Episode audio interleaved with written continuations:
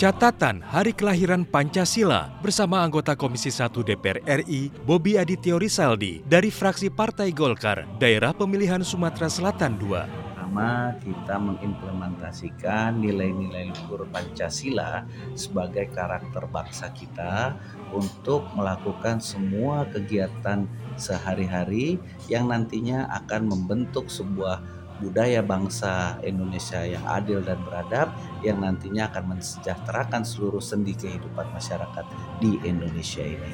Jadi pentingnya untuk memahami nilai-nilai Pancasila tiap butirnya dan bagaimana penjawantahannya dan pelaksanaannya dalam kehidupan kita sehari-hari. Catatan Hari Kelahiran Pancasila bersama anggota Komisi 1 DPR RI, Bobi Adityo Risaldi dari fraksi Partai Golkar, Daerah Pemilihan Sumatera Selatan II, Produksi TV dan Radio Parlemen, Biro Pemberitaan Parlemen, Sekretaris Jenderal DPR RI.